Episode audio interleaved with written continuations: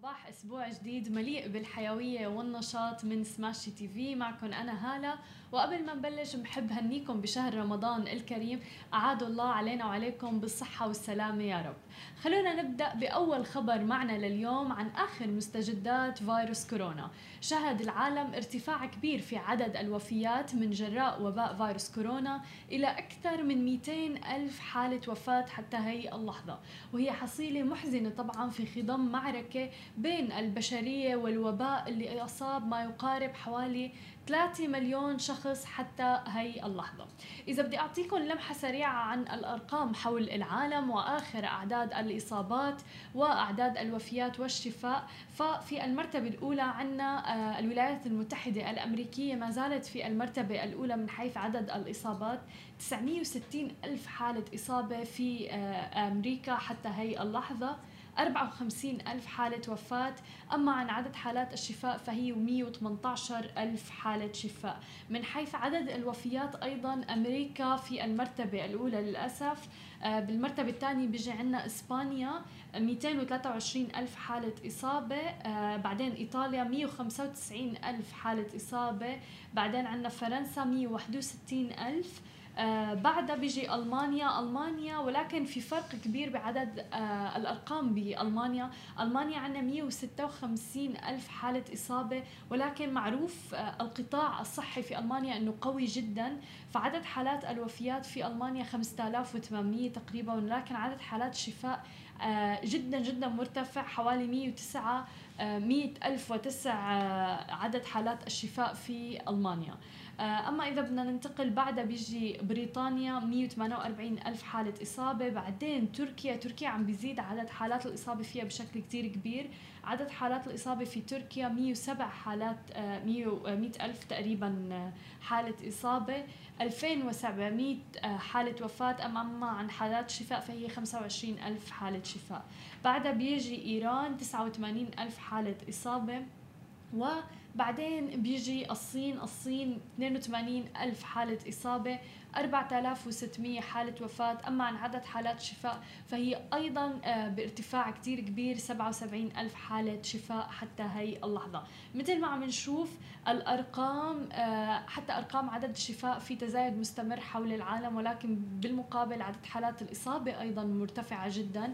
آه، ولكن مثل ما عم نشوف أيضا السعودية 16299 حالة إصابة 136 حالة وفاة. أما عن عدد حالات شفاء فهي 2015 حالة شفاء حتى هي اللحظة. عنا الإمارات 9813 حالة إصابة 71 حالة وفاة أما عن عدد حالات شفاء فهي 1887 حالة شفاء. وبعد تليها الدول العربية سواء كان عنا قطر بعدين مثلا آه، بيجي عنا آه، مصر بعد المغرب وغيرها من الدول العربية. أما إذا بدنا ننتقل عن خبرنا الثاني عن المملكة العربية السعودية فأعلنت السعودية ليلة يوم أمس السبت عن رفع حظر التجول. جزئيا في جميع مناطق المملكة من الأحد 3 رمضان اليوم وحتى الأربعاء 20 رمضان. رح يكون من الساعة 9 صباحا وحتى الساعة الخامسة مساء. طبعا بالتوقيت المحلي للمملكة العربية السعودية.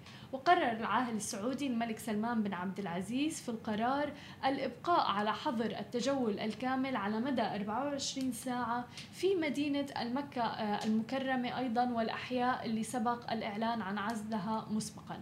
المملكة رح تسمح بفتح بعض الأنشطة الاقتصادية والتجارية ابتداء من 6 رمضان وحتى 20 رمضان. وشدد القرار أيضا على التأكيد على استمرار منع أي نشاط داخل تلك المراكز ما بحقق التباعد الجسدي منها طبعا رح يكون عيادات التجميل صالونات الحلاقة النوادي الرياضية أيضا والصحية والمراكز الترفيهية ودور السينما بالإضافة إلى المطاعم والمقاهي وغيرها من الأنشطة اللي بتحددها الجهات المختصة. أيضا رح يتم إيقاع العقوبات طبعا المقررة وإغلاق المنشآت المخالفة للأنظمة والتعليمات وفقا للإجراءات المتبعة. أما إذا بدنا ننتقل لخبرنا الأخير عن دولة الإمارات فحتى كورونا لا يقف في وجه دولة الإمارات بلد اللامستحيل حيث أن مسبار الأمل في موعده إلى المريخ. وقال سمو الشيخ محمد بن راشد آل مكتوم عبر تغريدة في حسابه الرسمي على تويتر أنه بحمد الله تم إنجاز إحدى أهم المراحل النهائية لإطلاق أول مسبار عربي إسلامي للمريخ عبر نقله من مركز محمد بن راشد للفضاء في دبي إلى محطة الإطلاق في جزيرة في اليابان. تحت إشراف طبعا فريق من مهندسين إماراتيين فعالية استغرقت 83 ساعة من العمل المتواصل. مسبار الأمل للمريخ قريبا وقال أيضا سموه أنه رغم الظروف آه، عم توقف وتحديدا توقف السفر عالميا ورغم الاحترازات الصحية العالمية ما زال المهندسين عم بيعملوا وفق الجدول المعتمد لإنجاز أهم مشروع علمي فضائي في منطقتنا العربية. تم تطويره المسبار في أقل من المدة المعتادة عالميا واللي هي ستة سنوات فقط من عشرة. وبنصف التكلفة أيضا والهدف إطلاقه في يوليو وفق الجدول المعتمد. ومسبار الأمل هو إنجاز بيمثل نقطة تحول للعالمين العربي والإسلامي في مجال الفضاء.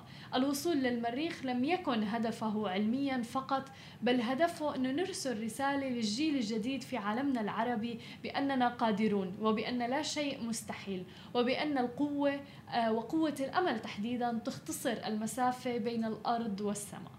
مثل ما عم نشوف فعلا أنا باعتقادي إنه الفترة القادمة هي فترة العصر الذهبي آه، لمنطقة الخليج العربي والمنطقة العربية بحد سواء. فعلا عم نشوف إنجازات كثير كبيرة حتى في ظل فيروس كورونا وكل التداعيات السلبية اللي عم نشوفها حول العالم. الدول العربية ودول منطقة الخليج تحديدا آه، عم بيزدهروا فعلا بالمبادرات الكبيرة. حتى رجال الأعمال في هاي الدول مبادراتهم عم بتساعد الشركات الشركات الناشئة والدولة والحكومة بشكل عام إنها تستمر وتستمر عجلة الاقتصاد رغم كل الظروف الصعبة اللي عم نعيشها.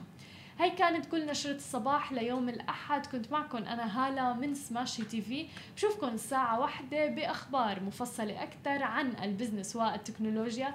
وأكيد ما تنسوا تتابعونا على كل مواقع التواصل الاجتماعي الخاصة بسماشي TV. تسمعوا البودكاست تبعنا وتنزلوا ال application. نهاركم سعيد.